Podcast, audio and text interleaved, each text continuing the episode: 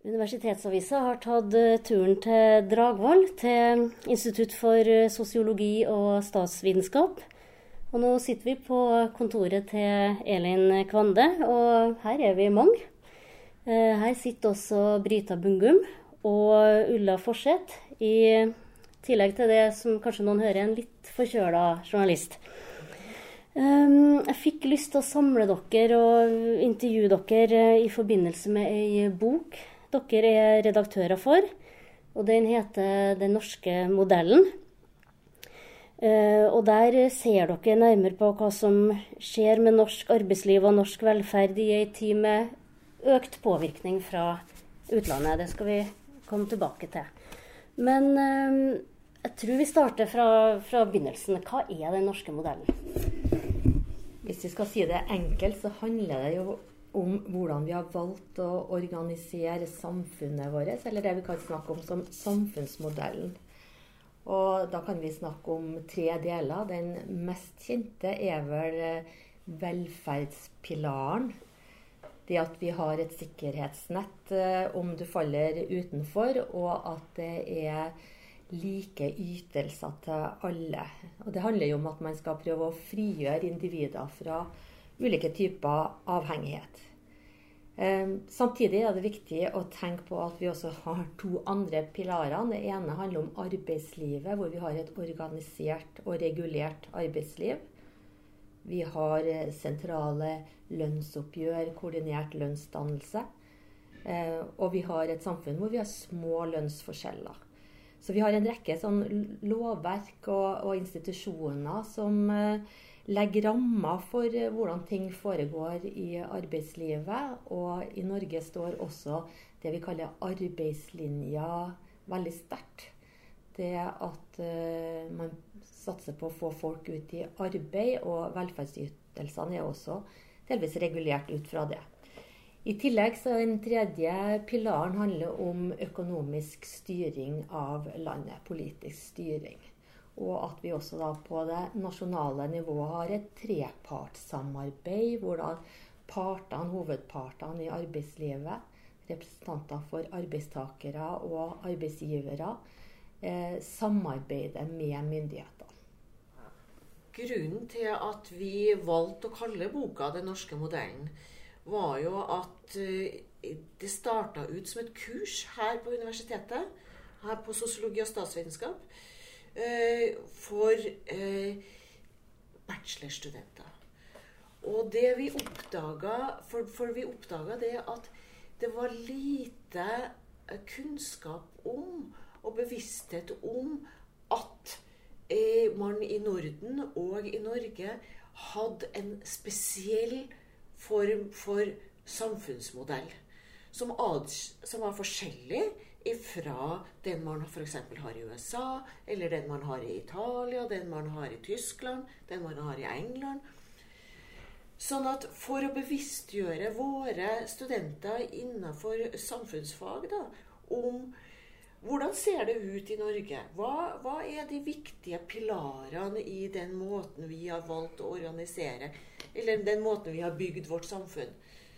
Så valgte vi å kalle kurset og boka for den norske modellen og internasjonalisering som utfordring og vitalisering.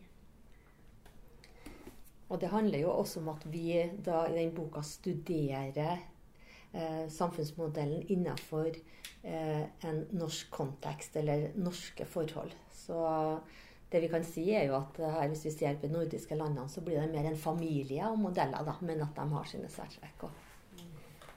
For min egen del, når jeg først eh, så tittelen 'Den norske modellen', så tenkte jeg umiddelbart på velferdsstaten. Men uh, i boka er dere veldig opptatt av det som skjer på arbeidsplassen. Hvordan arbeidslivet er organisert, og hva slags medvirkning ansatte har.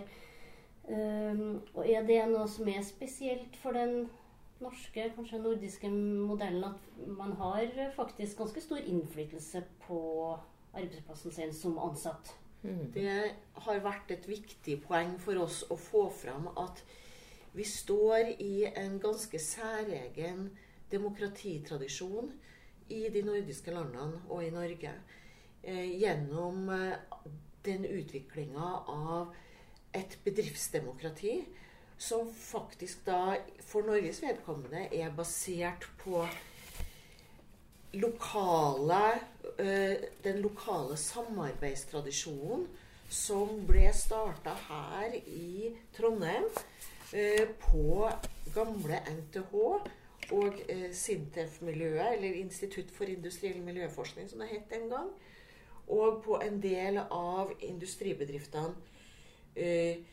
også rundt eh, Trondheim. Eh, hvor man eksperimenterte i eh, bedriftsdemokrati, samarbeidsforsøk, på 1960-tallet. Og, og det var jo interessant. Det er sikkert mange som ikke vet at eh, det har faktisk utspring fra det her miljøet. Og universitetsmiljøet. Ja, og det er jo interessant at det var en eh, Han jobba egentlig som personalsjef i eh, Freia, sjokoladefabrikken i Oslo. Het Einar Thorsrud. Han hadde vært og fått med seg ideer, internasjonale ideer fra et institutt i London som het Tavistock. Og kom hjem og var veldig opptatt av å prøve å sette det her ut i praksis. Og han var flink til å innrullere andre aktører og fikk med seg eh, midler. Eh, så lederen, eh, fabrikksjefen i Nidar, han donerte penger som gjorde at det ble oppretta det første arbeidsforskningsinstituttet i Norge. Og vi satte i gang da eh, forsøk hvor vi var helt i front internasjonalt. Og de forsøkene som ble gjort eh, den gangen, eh, ble det gjeldende praksis? det i Bedrifts-Norge? Det som er viktig her, det er jo det at det nedfeller seg i den norske arbeidsmiljøloven. Mm. I det som blir kalt paragraf 12. Sånn at det la en veldig viktig føring for norsk arbeidsliv framover. Mm.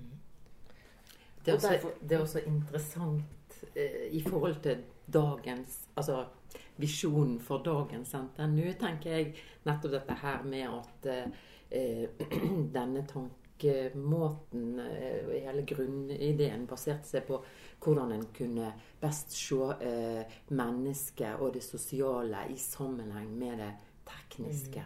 Nettopp det var liksom eh, hva skal jeg si, kjernetanken i det. da. Sånn sett er det interessant i forhold til hvordan vi tenker nå framover i, i, i, forhold til NTNU. da. Ja, Tenker du at uh, det er tendenser ved NTNU til å bevege seg vekk fra den type tenkning? Jeg tenker at dette er noe med å, å ivareta, eh, ivareta dette, denne måten å tenke på. Ivareta de fagene som ivaretar eh, også eh, det sosiale og menneskelige aspektet. Også denne tradisjonen med at en eh, klarer å, å, jobbe sammen da, og få fram eh, eh, hva skal jeg si god utvikling ved hjelp av det, da, for å si det veldig sånn enkelt. Og denne, det er jo nettopp denne medvirkningstanken mm. som, og bedriftsdemokratiet som har vist seg å være eh, et grunnlag for at man i norsk arbeidsliv snakker om at det er tillit mellom partene. Og det gjør igjen at man en, har fått en arbeidsvillig arbeidsstokk. Altså hvis vi snakker historisk her nå. Altså tillit til at du blir hørt og sett og får mulighet til å medvirke. Og det har igjen ført til en det vi kaller for produktivitets mm. og høy produktivitet i norsk arbeidsliv. Og det er jo det når vi blir studert fra fra utlandet, så er det jo noe med at de da ser at norsk arbeidsliv holder høy produktivitet, samtidig som vi har demokrati på arbeidsplassen. Vi har en eh, velferdsstat som, har, som, er veldig sjenerøs. Og dermed så snakker man om det nordiske paradokset, eller altså at hvordan kan det her gå sammen? For i en del økonomisk tenkning så det, lar det seg vanskelig gjøre å ha både høy produktivitet og eh, den typen sosiale goder. Mm. Og noen har jo sammenligna det med bildet av humla. Hvordan i all verden kan humla med den kroppen i forhold til vingene klare å fly? Og det samme med eh, den norske eller nordiske modellen. Og hvis vi ser på en del andre kulturer, så er jo arbeidstakerne vant til å jobbe etter kommando. Du får ordrer, du har en leder som forteller deg hva du skal gjøre. Det var det som er noe av styrken i den norske modellen. og at eh, arbeidstakerne, de ansatte, sjøl påvirker og kan komme med ideer om forbedringer. Eh, selv om ting stopper opp, så tør de å gå videre og handle istedenfor å vente på at det skal komme inn en, en sjef som skal fortelle dem hva de skal gjøre. Men så er det jo ikke bare idyll her, for uh, i det siste så har vi jo hatt mye arbeidsinnvandring. Og det har jo uh, veldig mange hatt glede av. Mm. Fordi det har vært folk som har gjort jobber som kanskje vi nordmenn ikke har vært så veldig interessert i, blant annet. Men uh, baksida av medaljen er jo kanskje det at ja, Vi hører jo historier om underbetalte ansatte, ansatte som blir uh, utnytta Um, og i um, hvordan greier man å balansere det? På den ene siden så har man uh, medvirkning på arbeidsplassen, men så kommer det bedrifter og ansatte utenfra som har helt andre mm. kulturer, og, og, da ansatte som blir underbetalt og utnytta. Det er helt klart en, en utfordring. og det er også noen ting Hvis du har kommet på en arbeidsplass og du er innleid, så vil du jo eh, ikke tørre å stille samme kravene. Kanskje du er ikke kjent med de ordningene vi har. Og i boka så blir det jo referert til arbeidsplasser hvor eh, særlig da østeuropeiske bygningsarbeidere eh, blir kommandert å gjøre ting som man aldri ville ha bedt Eh, vanlige eh, norske ansatte om å gjøre. De blir bedt om å klatre opp i høyeste mastene eller gå ned i eh, dypeste grøftene. Og eh, hvis du nekter, så vet du at da har du kanskje ikke noe jobb dagen etterpå, for du er innleid. Så eh, faren er jo at vi kan få et A- og et B-lag, eller kanskje også et C-lag. Eh, og som en av de som var intervjua i kapitlet om den nye bemanningsindustrien her sier at vi trodde jo vi kom til et velorganisert og et anstendig arbeidsliv, og så opplever vi at vi blir handla på denne måten. Eh, I den sammenhengen så har du også sett på verneombudet. Ja.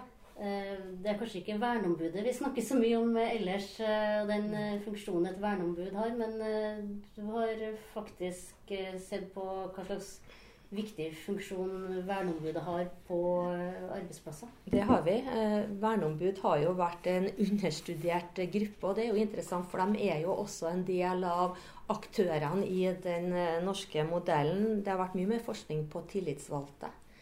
Og selve navnet verneombud det høres seg jo litt sånn litt traust og traurig ut, og kanskje litt gammeldags. Og det har jo en historisk forklaring, for det har jo røtter tilbake til vernearbeid på 1930-tallet. Eh, men vi fikk det jo inn som, først som en frivillig ordning i arbeidervernloven av 56, men først da inn i, eh, i arbeidsmiljøloven av 1977. Og det spesielle, da, eller det helt unike, er jo at uh, i Norge som har verneombud, uh, en mulighet til å stanse uh, arbeid hvis det er umiddelbar fare for ansattes liv og helse. Det vil si at verneombudet har en maktposisjon og kan gripe inn i ledelsens såkalte styringsrett. Og det skjer, men Eh, det har vært litt lite kunnskap om det. Og vi gjorde jo en studie hvor vi fant at det forekom i større grad enn det som offisiell statistikk visste. Men eh, ofte så ble ikke det innrapportert, for det bare kom eh, løsninger helt eh, lokalt. Så når vi hører om tilfeller hvor folk har jobba på usikra stillas og falt ned og skada seg, så, så, i en sånn sammenheng så er verneombud viktig? Verneombud er veldig viktig og fungerer da desidert best eh, på de arbeidsplassene hvor det er store sikkerhetsutfordringer og fysiske utforminger. Det litt, eh, kan være litt mer utfordringer enn på andre typer arbeidsplasser hvor det ikke er snakk om verken klemte fingre eller eh, klemte tær eller farer for umiddelbar liv og helse. Men det er også slik at eh, vi har dyktige verneombud som eh, griper inn i mobbesaker eh, eller andre organisatoriske forhold. Men her er det stor variasjon, og det eksisterer også med en myte om at verneombud ikke fungerer, og at det er en sovende fun funksjon. Men det er for enkelt. Det er mer nyansert. Men det er også en veldig stor utfordring på de nye arbeidsplassene i det globale arbeidslivet, hvor det kommer inn aktører som ikke kjenner til denne ordningen. Og da krever det både mot og integritet eh, av et verneombud å stå imot f.eks. utenlandsk ledelse, som er vant til helt andre forhold.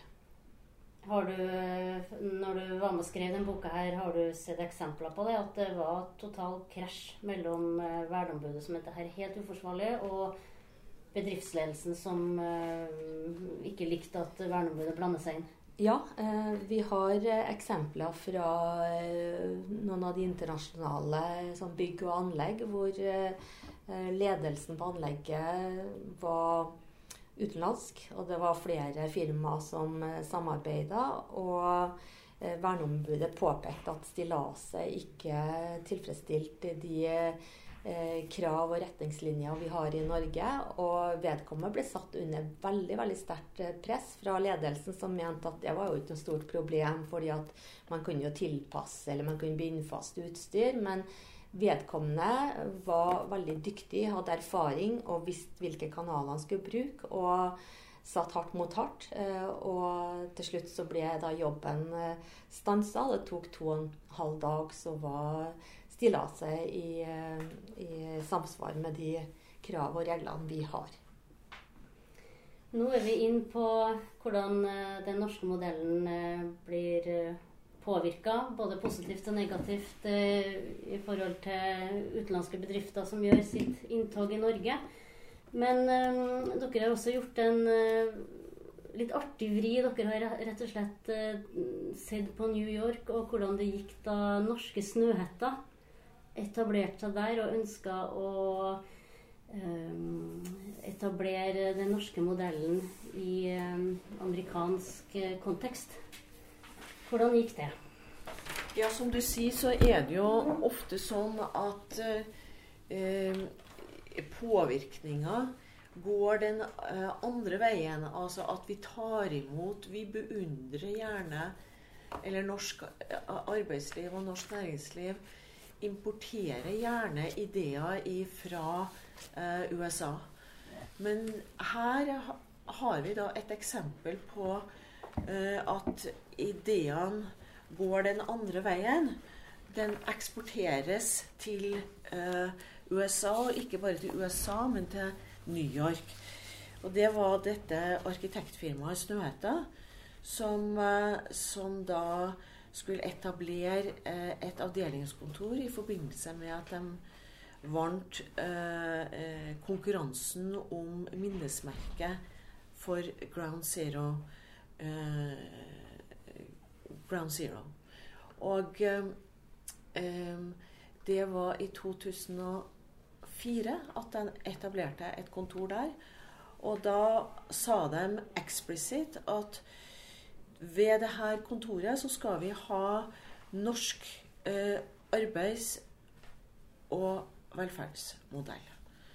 De skulle ha en demokratisk arbeidsorganisering. De skulle ha kollektive, kollektive lønnsavtaler. De skulle ha fødselspermisjoner. Uh, uh, lange fødselspermisjoner. De skulle innføre ferie i et land hvor De skulle innføre fem ukers ferie i et land hvor arbeidstakere ikke har ferie. Eller i hvert fall ikke lønna ferie. Uh, altså det som er vanlig i norsk arbeidsliv, skulle de ta med seg til New York. Og eh, da kan man jo tro at eh, arbeidstakerne i, i New York tok imot det her med åpne armer. Men det viste seg å være en ganske vanskelig prosess å få eh, det her på plass. Fem ukers ferie ville de ikke høre snakk om. Hvorfor den... ikke det? det? For oss så virker jo det absurd. Hadde mm. sjefen min sagt ja. Eh, nå har du fem ukers ferie, men kanskje du har lyst på seks ukers ferie? Ja takk. ja, ja, men sånn er det altså ikke der. Ja, nei, altså fordi at uh, de begynte med en gang da å forhandle om høyere lønn i stedet for uh, uh, fem ukers ferie. Uh, og fordi at der er det jo sånn at ferie er ulønna. Sånn men da de forsto det at, at Snøhetta mente at den her skulle være lønna, skulle være betalt ferie, så ville de fremdeles ikke gi seg, arbeidstakerne. De eh, forhandla videre om å få høyere lønn.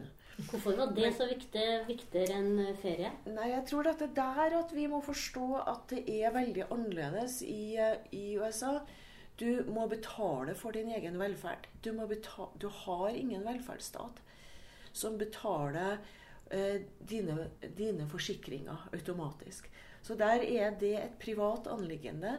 Så det koster mye mer å leve i USA på den måten. Eh, men resultatet ble at det ble innført fem ukers ferie. For de ga seg ikke, de norske arbeidsgiverne. Og eh, historia omkring ferie er jo interessant fordi at eh, arbeidstakerne ble jo veldig glad i denne ferien. da. Og, og da finanskrisa kom i 2008 Eh, så leide de eh, inn en konsulent for å gi råd om hvordan, eh, hvordan bedriften skulle forholde seg til Eller spare, spare penger. Og det første den, det konsulentfirmaet gjorde, det var jo da å si her må det kuttes i ferie. Og, og da eh, sto alle arbeidstakerne samla bak kravet om å beholde ferien. Så da var det blitt et gode som de ikke ville forsake. Og ikke, ikke bare det, men de forhandla kollektivt om å, om å beholde modellen. Eller beholde eh, fem uker. Resultatet ble et kompromiss. så de, Det ble fire ukers ferie da. Altså fordi konsulentfirmaet foreslo å gå ned til tre uker. Så her og, skjedde en holdningsendring underveis, da, fra ja. å ikke se for seg at det går an å ha ja. betalt ferie. Ja. Så ble man veldig glad i den ordninga. Ja. Det samme gjaldt foreldrepermisjoner. Det var også uhørt.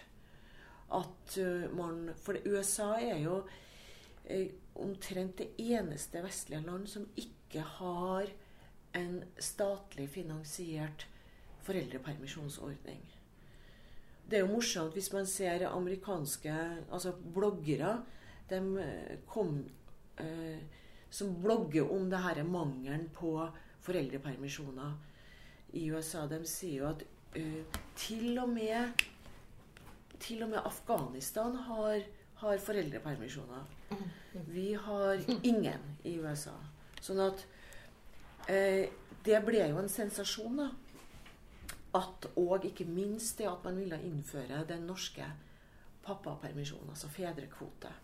Så det har de nå, da. Om ikke så omfattende som i Norge, så, så har man de ordningene. Og det som også er interessant, det er jo at eh, etter hvert Og de innførte også norsk normalarbeidsdag. 37,5 times uke. Uh, i et land hvor det å ha lange arbeidsdager er, er velkjent. Og uh, etter hvert så begynte ryktet å gå om at dette Snøhetta-firmaet hadde innført gode sosiale ordninger.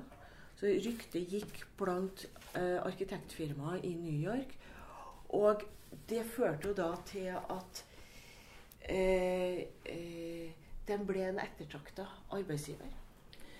Så der har Så det ble et konkurransefortrinn? Det ble et konkurransefortrinn. At Tilby bedre ja. ordninger? Ja. Så der, det illustrerer jo også at eh, det, altså det som er ideen i eh, En av ideene i den norske modellen, det er at ø, sosiale goder kan kombineres med produktivitet og innsats. Ja, for Det syns jeg var interessant, eh, det dere skrev i boka. For det virker jo ikke som at nødvendigvis det er en sammenheng her mellom eh, å jobbe kjempelange dager og være produktiv.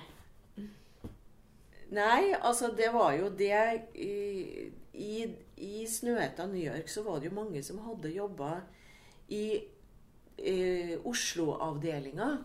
Og de sammenligna jo da det vi kan kalle for tidskulturen i, i Oslo og i, det, eh, i, New York. Og de sa jo sa at eh, det jobbes kortere dager i, på Oslo-kontoret, men produktiviteten er like høy. Hvis ikke høyere. Så, så det ble et interessant eksempel på at For det, det de snakka om, det var jo at på Oslo-kontoret så gjorde man ikke det som er et amerikansk begrep, nemlig FaceTime. At du er på jobb bare for å vise deg fram. Eh, men du jobber aktivt, produktivt, hele tida. Så det går rett og slett Det var en effektivitet som var annerledes. Ja. Fordi når du jobber lange dager, så er du der egentlig bare for å slå i hjel tida og vise at du er på jobb og er interessert i jobben og ja. Er det ikke sånn at uh, du ikke kan gå hjem før uh, sjefen har pakka sammen òg? Det er noe med det. Ja. Eh, men hvis vi ser litt på framtida Det er jo fort gjort å problematisere og tenke Er den norske modellen trua i dag? Har vi hatt en periode som har vært helt unik, hvor vi har hatt råd til å ha et regulert arbeidsliv og gode velferdsordninger, men plutselig så kan det ta slutt? På en del områder så kan vi helt sikkert snakke om trusler. I hvert fall uh, utfordringer, da. Og at uh, den utfordres både i arbeidslivet, da, i, i i forsøk på å uthule eller, eller, kanskje til og med ta bort Eh, eh, etablerte ordninger og sånn. Eh, og når vi ser på ser på dette som vi snakket om i sted, med, med, med innvandring og sånn, så kan vi òg se noen sånne eh, trusler. da, ikke sant? At du får et B- og C-lag som, som, som ikke har de samme ordningene som A-laget og sånn. Og, og, og så Eh, og så kan vi òg se for oss at, eh, at vi får en eh, eh, altså, Det her handler jo om politikk, ikke sant? Altså hva slags type velferdsstat og velferdsordninger vi får, og hvor, hvor, eh, hvor eh, trygt de ordningene en har gjennom arbeidsmiljøet f.eks. ligger eh, framover. Altså, det, det, det, det, er jo så, så, så, så det er jo nok av uh, utfordringer, da. Og det er jo ting vi er inne på i veldig mange av uh, kapitlene. Tar jo for seg det på ulike vis, da.